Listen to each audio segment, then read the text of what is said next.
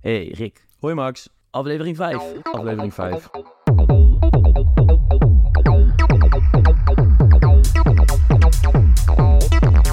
Wat gaan we vandaag doen? Eh, nou, het is onze Lustrum aflevering, dus we hebben een ongelooflijk mooi gevuld programma. Eh, we beginnen met een rondje langs de velden. Juist. Daarna gaan we over op nieuwe releases, nieuwe muziek die ons is opgevallen. En dat is natuurlijk puur subjectief. En dat is het fijne ook van een podcast, Rick. Dat wij met z'n tweeën kunnen bepalen wat er in onze aflevering komt. En dat wij dus ook nooit tegenspraak hebben van niemand. Nee, want eh, we vroegen op de Instagram deze week van... hé hey jongens, hebben jullie misschien wat input? Af en toe doen we ook een polletje of zo. We behandelen dan natuurlijk alleen de dingen waar wij het mee eens zijn. dat is het fijne aan eh, bepalen hoe het gebeurt. Maar goed, nieuwe releases. En dan sluiten we af met stellingen of dilemma's die onze trouwe fanscharen hebben ingestuurd via de Instagram. Waar wij dan ons licht op gaan schijnen. Ja, wij eh, hebben er zelf natuurlijk ook over nagedacht. Wat is leuk om te behandelen in aflevering 5. En eh, we doen het natuurlijk samen, jongens. We zijn een community. Dus eh, bedankt voor jullie input en ga vooral zo door. Goed, laten we beginnen met een rondje langs de velden. Welke velden ben jij geweest, Max? Ik ben op het allergrootste veld op het gebied van technofestivals in Nederland geweest onlangs, namelijk het Awakenings Spring Festival in Spaarnwoude. Komt de eerste vraag al naar boven van een luisteraar. Aflevering 2 hebben jullie afgeraden om naar Awakenings te gaan. Ja. Wat bezielt je dan om toch daarheen te gaan voor 100 euro per kaart? Ja, wij zijn echt hele trieste gasten. Wij hebben in de aflevering 2 hebben we dus Awakenings vrij hard afgekraakt, omdat het te duur is en te wijde stromen aan muziek en dergelijke. Volgens mij hebben wij vanaf aflevering 2 het in iedere aflevering over een Awakeningsfeest gehad.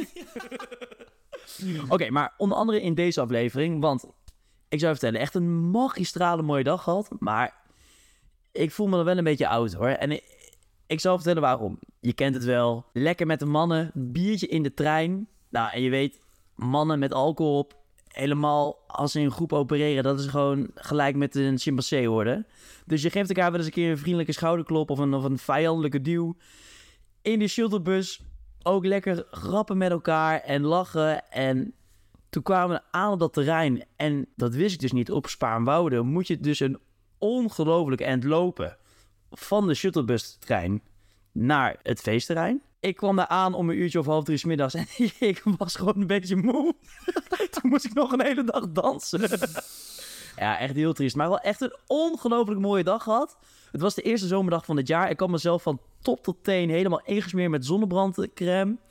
Eindstand de hele dag in die warme tenten gestaan. Helemaal kapot gezweet. Dus ik had wel een beetje medelijden met je vrienden. Want ehm, ik zag op de gram voorbij komen dat, eh, dat jij nou toch wel gekleed was als een, eh, als een toerist. en eh, ik weet niet hoe de rest erbij liep, maar eh, Hoezo als een toerist? nou, gewoon een lekker brilletje, plastic zakje met bier, eh, korte broek, mooi lekker los shirtje aan. Zoals het hoort. Nou, zoals het hoort, je kan ook je shirt uitdoen, Max. Wat ben je erop tegen? Gelijk de eerste stelling. Shirt aan of uit, als het warm is. Leuk, leuk. In principe moeten mensen vooral lekker zelf doen wat ze willen. Zolang ik er geen last van heb. Maar wat wel echt ongelooflijk irritant is... is als je van die 120 kilo buffels hebt lopen in een grote zweetent op een feestterrein... En dat deze 120 kilo buffels zich dan manoeuvreren door de menigte heen. En dat jij dan als een soort van handdoek fungeert. Waarbij zij dan hun zweet aan jou kunnen afvegen. Ja. Dat vind ik wel ongelooflijk irritant. Ik heb ook liever inderdaad een, een bezweet shirtje tegen mijn bezweet shirtje aan... dan dat ik eh, nat huid op huid sta eh, te burmen. Je maakt het wel heel intiem. Ja, oh, in, het, in de technotent dan bedoel ik, hè? Duidelijk, duidelijk. Terug naar dat eh, feest. Het Awakening Spring Festival. Muziektechnisch gezien, mijn smaak bevonden allemaal in de tenten. Wat op zich wel jammer was, want het was echt een knijtermooie dag. En er waren uit mijn hoofd vijf tenten en twee buitenstages. Dus wellicht voor volgend jaar kunnen ze daar nog een aanpassing in maken. Luister je mee, Rocco? Absolute hoogtepunt van de dag was natuurlijk Rodhead. Echt, die gast die kan zo fantastisch opbouwen. En het is echt magie wat die jongen produceert. Dat is echt zo geweldig. Het is leuk dat je hem jongen noemt. Het is wel een beetje de haagrit van de scene, hè? Het is, het is geen jongen, het is echt gewoon een, een man. Het is een, een legend. Absolute verrassing van de dag voor mij. En dat vind ik ook wel leuk van zo'n festival. Dat je dan naar artiesten gaat die je eigenlijk niet heel erg goed kent. En die dan toch heel erg goed uit de bus komen. Was voor mij Blawan.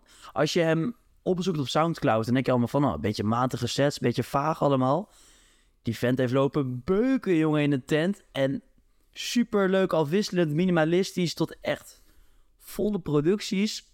Dus al met al echt een geweldige dag gehad. Wat me ook opviel, is dat Awakening Spring iets van 25 artiesten hadden die een debuut maakten daar. Ja. Dus dat er 25 mensen waren die voor het eerst op een Awakeningsfeest draaiden. En dat valt me toch op, want normaal heb je als je die line-up ziet dat je denkt van, oh ja, deze grote naam, die grote naam, oh ja, die is er ook weer.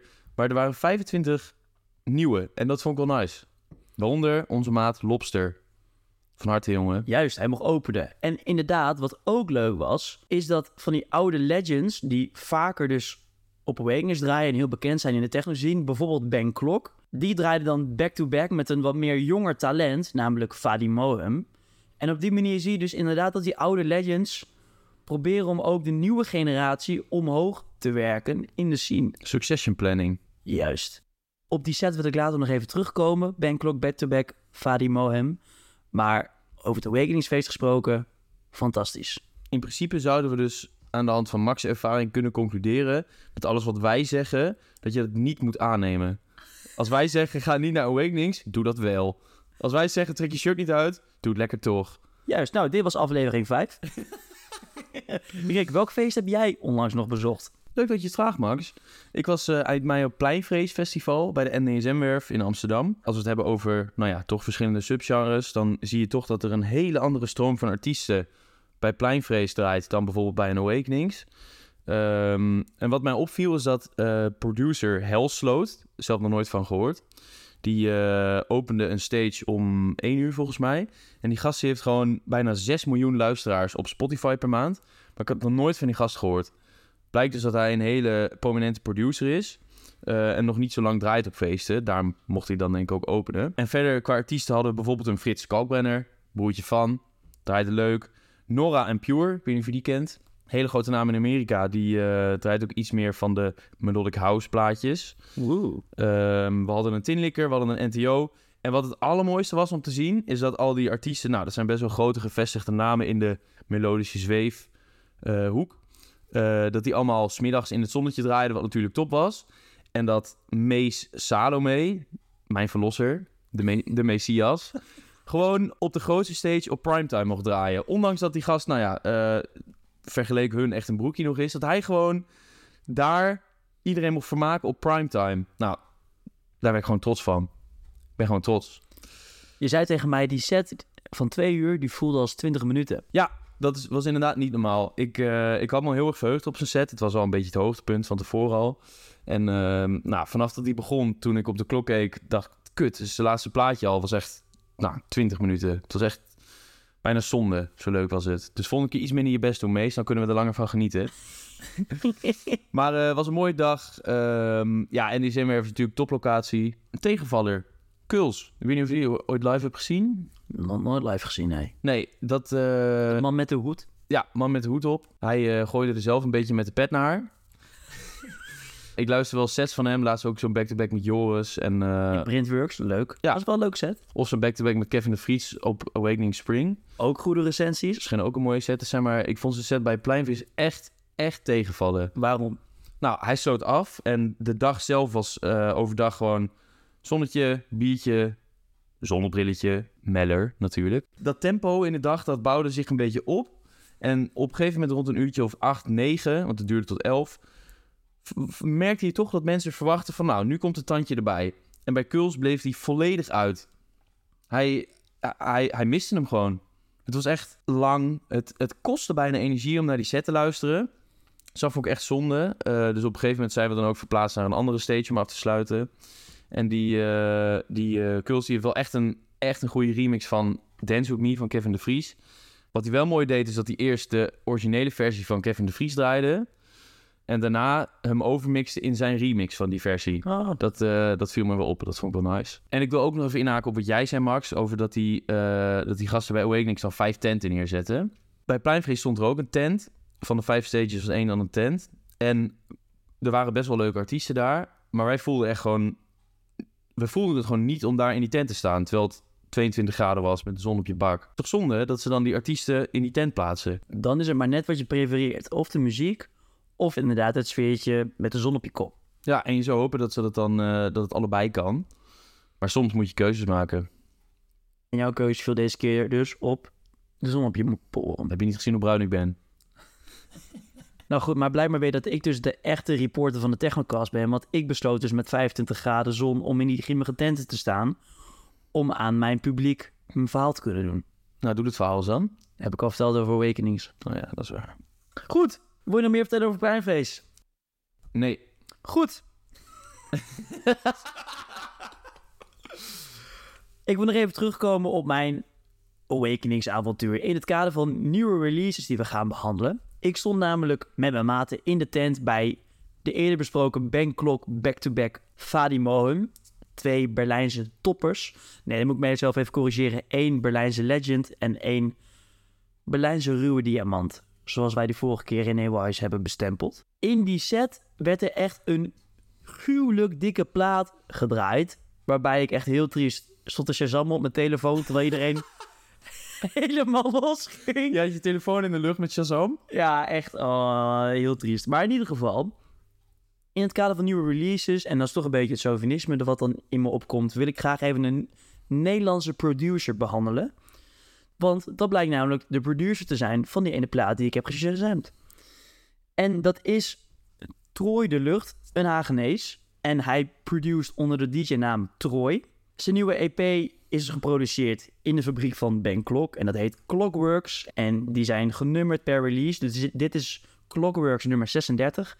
En het nummer wat ik van die Troy hoorde in die Awakening stand is een nummer... Cha Change. Change. In, in het Engels Change, maar apart gespeld.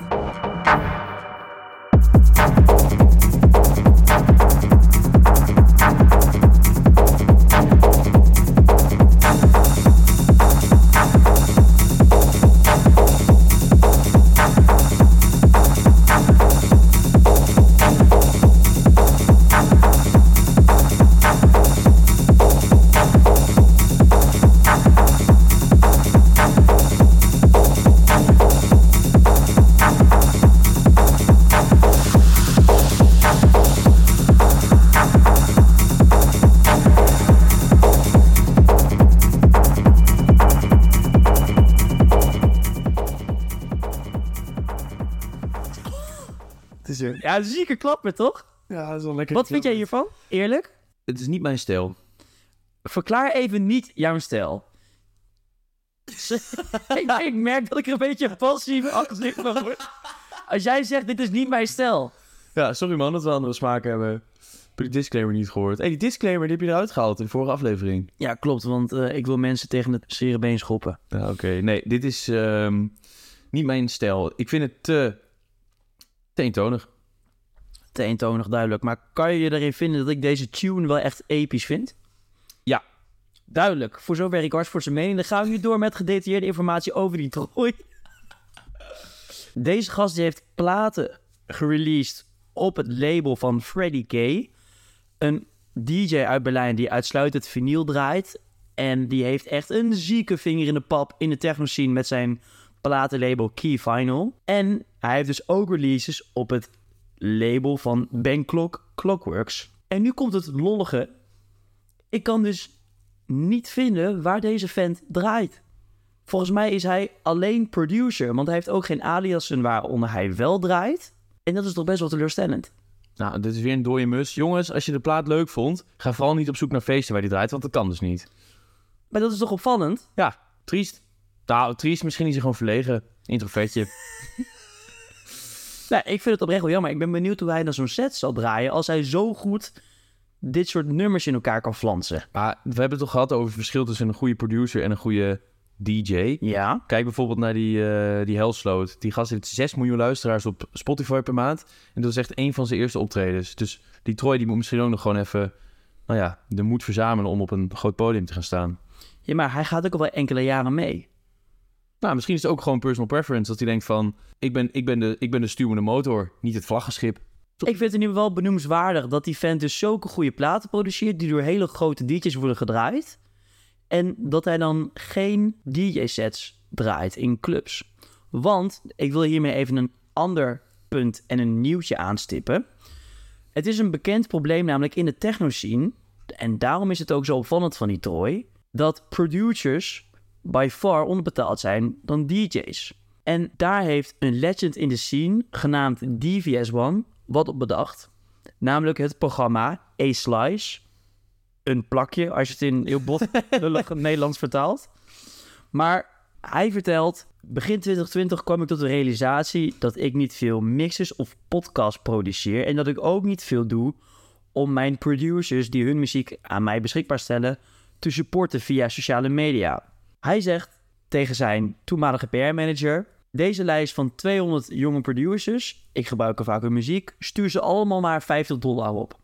Nou, dat bleek administratief gigantisch veel werk volgens de PR-managers. Dus toen heeft hij gezegd: Oké, dan ga ik het anders verzinnen. Dus wat heeft hij nu bedacht? Het programma is Slice, waarbij grote DJ's hun USB-stick die ze gebruiken op een gig in de computer kunnen drukken. Het computerprogramma Slice leest het uit. Die selecteert, oké, welk nummertje is van wie. Dan kan de producer het bedrag aangeven wat hij heeft gekregen voor dat feest. En daarmee kan die DJ een bepaald percentage van het geld wat hij earnt met een gig delen met zijn producers. En dat is echt in een korte tijd ongekend populair geworden. Dus besef dat die DJ oprecht voor die DJ-community zoveel heeft betekend. Onder andere dus voor die Troy. En dat vind ik dus oprecht vet. Maar is dat systeem dus dat een DJ bepaalt... oké, zoveel geld zou ik willen afstaan? Of uh, dus het is eigenlijk gewoon een soort van fooiepot? Ja, er zijn natuurlijk wel bepaalde standaardpercentages. Volgens mij is het meest gekozen percentage ongeveer 5%. Maar op die manier worden inderdaad de jonge producers... die dus goede muziek maken, maar niet veel geld verdienen... goed ondersteund. En dat is mooi, want het stimuleert ook weer meer om te gaan produceren... wat, nou ja, de muziek aan zich ook weer in een nieuwe verstelling zet. Juist, en op die manier is dus oprecht gewoon een revolutie, denk ik, in de produce scene. Dit is mooi. Verlaat de wereld mooier dan dat je hem aantrof. Nou, kijk. Ik wil nog heel wat over die Troy zeggen, want ik zag nog wat in zijn social media account. Hij post in 2015 met echt 18 likes. Mooi moment op Dekmantel Festival. Sta ik vooraan bij DVS One, draait hij opeens twee van mijn platen. Dat is acht jaar geleden. dus besef dat je dan bij een set van DVS One staat. Een van de allergrootste techno-DJ's alle tijden, durf ik wel te zeggen. En dat hij dan twee van je platen draait. Maar die, dat is al acht jaar geleden. Dat is acht jaar geleden. Die gast die produce al acht jaar. Ja, hij heeft 4000 volgers. Nou, of dan doe je misschien ook gewoon iets verkeerd hoor, als producer. Ik denk gewoon dat hij het producersleven verkiest boven het DJ-leven. Want je ziet ook dat hij een gezinnetje heeft. Ik heb echt wel diep respect voor die gast. Troy, bij deze ben je ook onze maat. Misschien wil hij wel onze resident producer worden. Dan hoeven we ook niet meer die podcast te editen. Dan hoeven we ook die intro van Peter niet meer te gebruiken. Goed.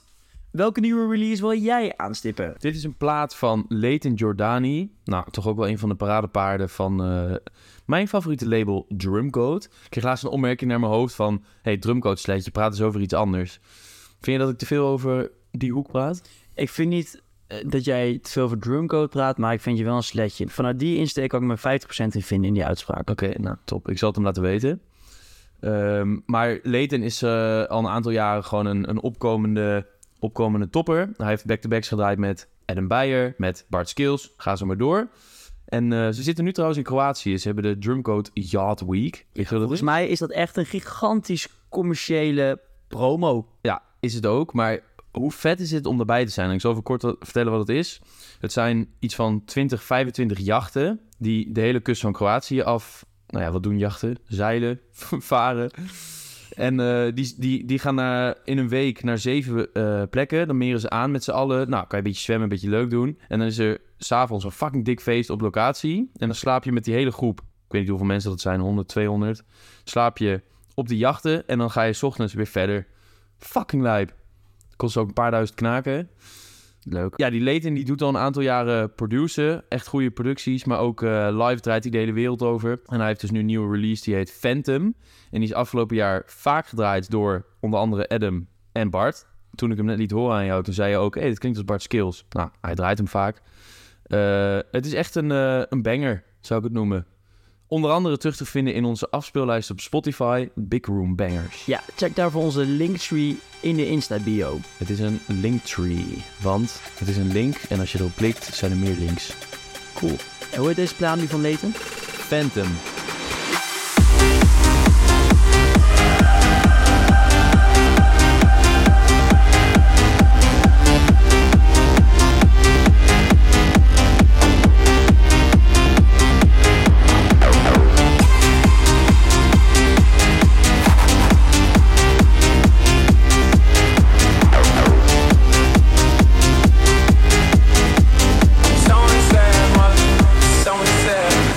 Zover de nieuwe releases die wij deze keer hebben behandeld, gaan we nu door naar het volgende onderwerp van deze aflevering, namelijk stellingen, dilemma's. En de eerste stelling die ik voor wil leggen, die we hebben binnengekregen van een luisteraar, is met in gedachten de aankomende zomer. Wat maakt nou een zomerse plaat zomers? Dat is een hele goeie. Want bij heel veel plaatjes die je hoort kan je zeggen... Oh, deze is guur. Of, oh, dit klinkt zomers. Maar wat maakt dan dat een plaatje zomer is? En ik ken jou, jij hebt even diep in archieven gedoken. Jij hebt een typische zomerse plaat uitgezocht. Ja, en dit is dan Mal Grab. Dit is trouwens een mooie eh, gast uit Australië. Als je zijn Spotify opent, dan zie je ook een heel mooi plaatje van hem. Een een of andere rare bus met zijn lange, lange mat in zijn nek. Maar ehm, dit is een plaatje dit hij vorig jaar gereleased. Het is Love Reigns. En we laten hem even horen. En dan mag je voor jezelf, terwijl je hem luistert, nadenken van... Hé, hey, dit is wel een zomers plaatje. Wat maakt hem zomers?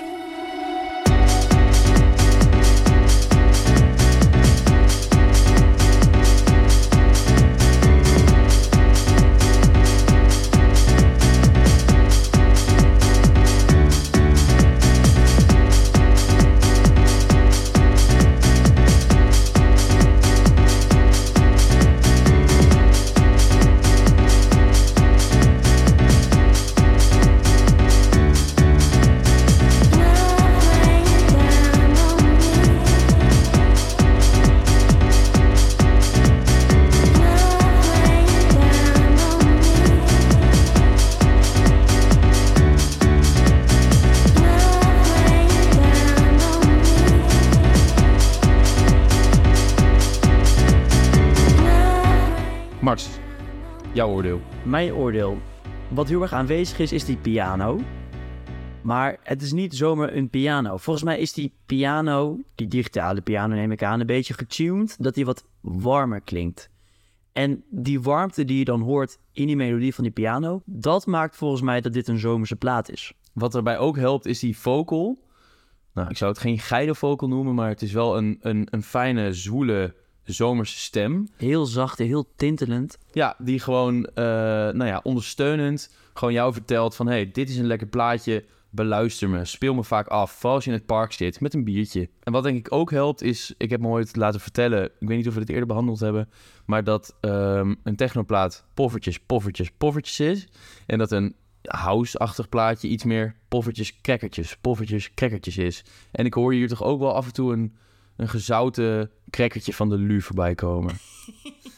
Ja, dus houseplaten klinken daarom ook evident meer zomers dan technoplaten. Ik heb zelden een hele gure houseplaat gehoord. Het is toch wel vaak dat als je een houseplaatje hoort... dat je je kan voorstellen dat je bij Chris Tussie met een zonnebrilletje op... lekker met die armpjes wijd staat te swingen. Dit was een stelling van een luisteraar. We hebben er nog meer binnengekregen. Hartstikke bedankt hiervoor. We hebben wel een selectie moeten maken. Want uh, nou ja, een paar waren ook van... wanneer kan die Max zijn gore bek dicht houden? Bij deze Max, ik neem de aflevering over van de vier. Toch ook wel een grote krantenkop afgelopen week... was de steekpartij bij Solid Grooves. Dat is een, uh, ook een iets meer housefeestje in Amsterdam was dit. En er is een, uh, een 21-jarige man is daar neergestoken... naar aanleiding van een vechtpartij... Uh, nou ja, de comments op social media die gingen natuurlijk weer door het dak heen. Ik heb zelfs eentje voorbij of voorbij zien komen dat iemand zei: ja, door de inflatie hebben mensen opgekropte woede en dat uitzicht dan hierin. Nou, daar ben ik dan niet mee eens. Maar het is volgens mij iets heel tragisch dat je al van tevoren, als je naar een festival gaat, een mes meeneemt. Daar gaat al iets fout. Dat die door de bewaking heen komt, daar gaat ook al iets fout. En dat er überhaupt een vechtpartij is op een festival. Dondert er lekker op. Heb je dat ooit in je leven gezien? Nee, ik, ik heb wel eens dat ik dacht van... nou, dit zou als je dronken in de stad staat met je vrienden... kunnen uiten in een, nou ja, partijtje duw- en trekwerk. Maar als je op een festival staat, je, gaat daar, je koopt een kaartje... je gaat daarheen met je vrienden, je wil een leuke dag hebben. Als het goed is, hou je van de muziek die daar gedraaid wordt. Ga je toch niet vechten? Nee, inderdaad. Dus je zou wel denken, het was met voorbedachte raden afgaand op het nieuwsbericht. Want wie neemt er nou naar zo'n feest een mes mee? Achterlijk. Maar wat vind je dan van de vele reacties die daarop kwamen? Namelijk, wat je eerder aanstipte, dat er tegenwoordig heel veel mensen van andere muziekstijlen, voornamelijk werd urban, urban genoemd, naar house gaan. Ja, het is misschien dan toch wel een linkje met dat house en techno steeds populairder en commerciëler wordt. Dat mensen, volgens mij hebben we het hier eerder over gehad in aflevering 2, 1 misschien wel. We zijn al lang bezig hoor jongens. Ho, ho gaan mensen die een leuke dag met hun vrienden willen hebben, vaker naar dat soort feesten, omdat dat gewoon populair is. En je ziet dat er door die verschillende stromingen, dus ook mensen die eigenlijk de muziek helemaal niet leuk vinden, maar gewoon iets willen doen, daarheen gaan. En nou ja, blijkbaar dus met de instelling om ruzie te zoeken. Ik ben het met je eens. Op social media zag je dus heel erg de haat van waarom gaan al die mensen vanuit die andere muziekstijlen nou naar house? En daarmee wordt de house muziek verpest. Maar volgens mij gaat het niet per se om het feit dat mensen van andere stijlen naar house gaan. Het gaat meer om het feit dat house en techno zo populair wordt dat er zoveel meer mensen op afkomen. En het is gewoon een feit. Over het algemeen, als je een algemene populatie hebt, nou bijvoorbeeld in een voetbalstadion, 1% is knettergek. Dat is overal zo. Hetzelfde met feesten. Als daar heel veel verschillende mensen op afkomen, een groot publiek, 1% is helemaal knettergek. En dat is volgens mij meer gaande dan het feit dat er house muziek wordt overstroomd door andere stijlen. Ja. Het is gewoon in het algemeen populairder, waarmee er in het algemeen gewoon meer gek op afkomen. Heel tragisch allemaal, want in de basis zijn, nou ja, raves een plek waar mensen heen gaan om zichzelf te kunnen zijn. Niet per se dat dat, dat de reden is dat wij naar die raves gaan, want wij vinden de muziek gewoon leuk. Maar in de essentie wordt eigenlijk het hele doel van een techno scene of een house scene hiermee verpest. Dat mensen er met intenties heen gaan dat ze in plaats van van de muziek willen genieten of iets leuks willen doen, erheen gaan van oh kom we gaan daarheen om ruzie te zoeken of oh ik verveel me, ik ga een kaartje kopen en dan daarheen. Ja, het is een hele andere intentie inderdaad. En ik denk dat hoe verder die intenties uit elkaar liggen, hoe grotere kans je hebt op nou ja, dit soort trieste gebeurtenissen. Ja, klopt. En daar moeten wij ook mee oppassen. Wij vullen dat nu wel een beetje in voor die nieuwe stroom mensen die nu nieuw instromen. Vind ik niet. Dat wil ik toch even gezegd hebben. Oké. Nou, Mars, we gaan over naar een volgende stelling. Oké. Een van de luisteraars die heeft ingestuurd wat wij vinden van niet omgevingssensitieve boomers. Niet omgevingssensitieve boomers. Dus iets oudere lui die dronken zijn, langs je lopen, tegen je aanbotsen. Volgens mij heeft dat niets te maken met oudere lui, maar in het algemeen met mensen die heel dronken zijn, Niet op onszelf kunnen letten. te veel GHB hebben gehad, wat ook gewoon veel voorkomt. Misschien ongewenst. Ongewenst GHB dat ze, het, dat ze het geen eens weten dat ze hebben gehad. Nee, maar het is wel inderdaad een feit dat ongewenst gedrag op techno-housefeesten komt of door hele dronken mensen of mensen aan de GHB.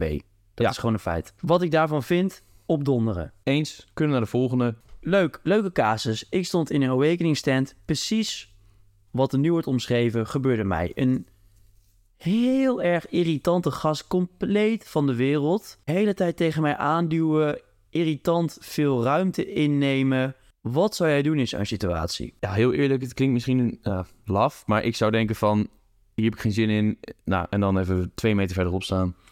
Dat is volgens mij het meest verstandige. Nou, aan de ene kant, als jij weggaat, dan doet hij het bij iemand anders. Zou je niet moeten snitchen? Gewoon tegen iemand moeten zeggen van, van de EHBO... hey, ik denk dat deze gast overmatig heeft gebruikt. Eh, hij valt me lastig. Maar praktisch gezien, dan ga je dus 50 meter door de menigte heen lopen om te zeggen... ja, vooraan staat een gast lijp irritant te doen. Ja, ik denk dat iedereen wel weet dat op zo'n feest wel meer mensen aan de druk zitten. Maar misschien ook voor zijn eigen veiligheid is het wel nice om te zeggen van... hey, eh, hashtag ravesafe. Deze gast heeft te veel gebruikt.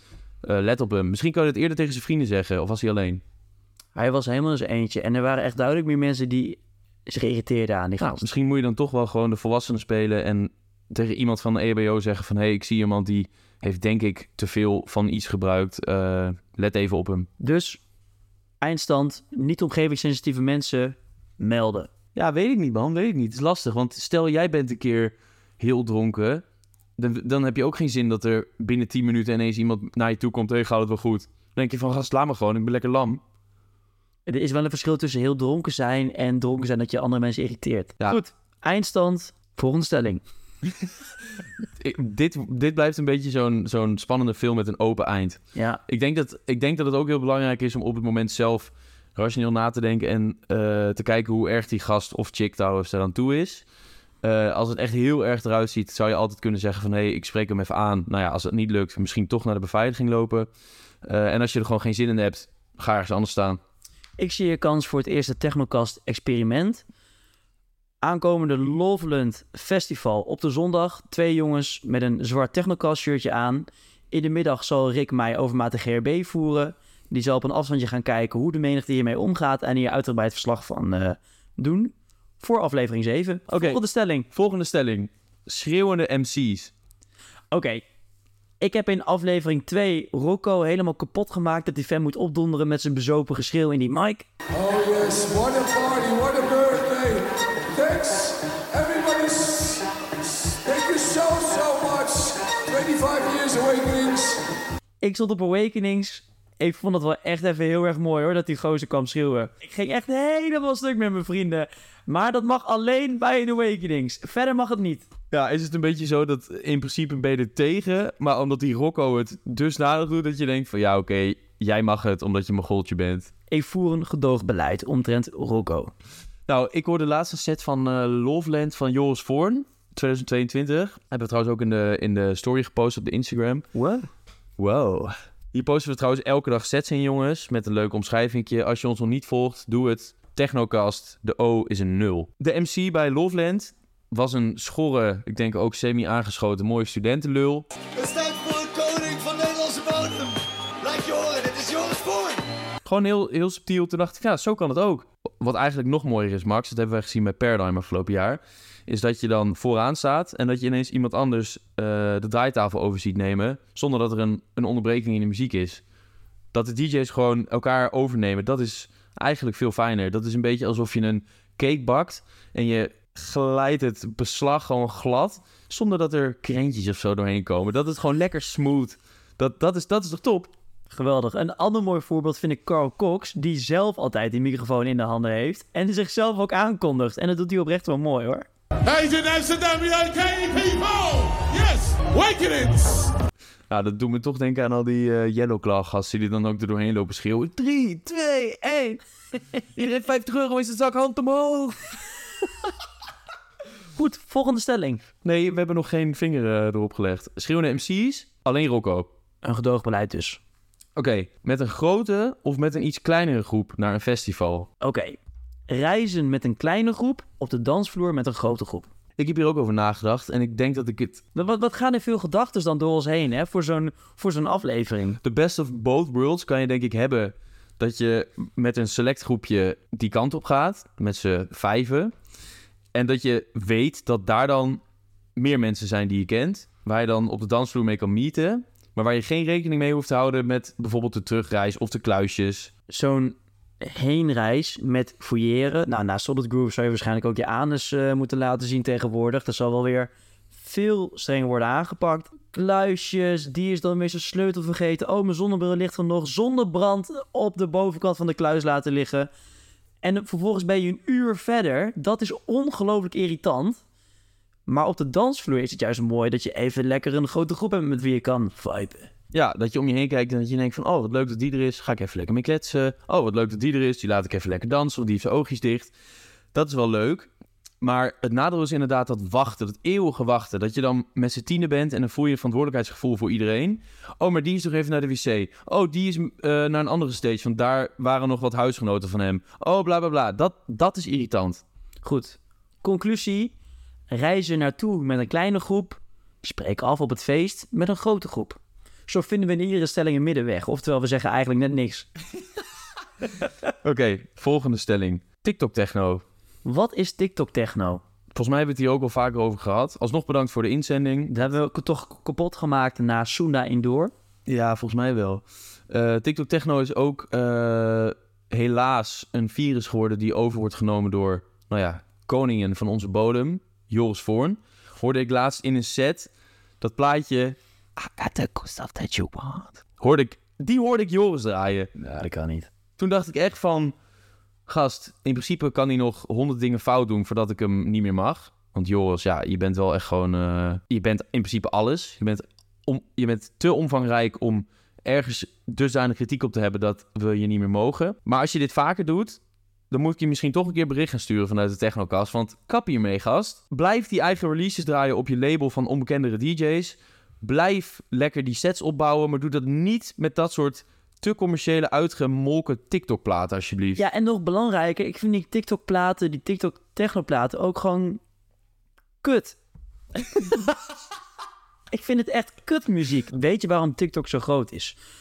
Mensen hebben tegenwoordig gewoon een veel kortere aandachtspannen. Dus ze willen heel veel prikkels in een hele korte tijd. En dat is ook zo lekker aan TikTok. Lekker swipen, heel veel video's, heel veel info in een korte tijd. En TikTok Techno is dus ook heel veel geluid, volle producties, veel veranderingen in een korte tijd. Alles wat techno niet is. Een maat van mij, die zei tegen mij, toen ik net techno leerde luisteren... Bij techno moet je wel een beetje geduld hebben. Dat is alles wat TikTok niet is. En daarom is TikTok techno voor mij ook geen techno, maar meer raw-stijl of hardstyle. In een korte tijd, veel beats per seconde, veel prikkels. Ik heb hier een keer een gesprek over gehad met eh, een vriend.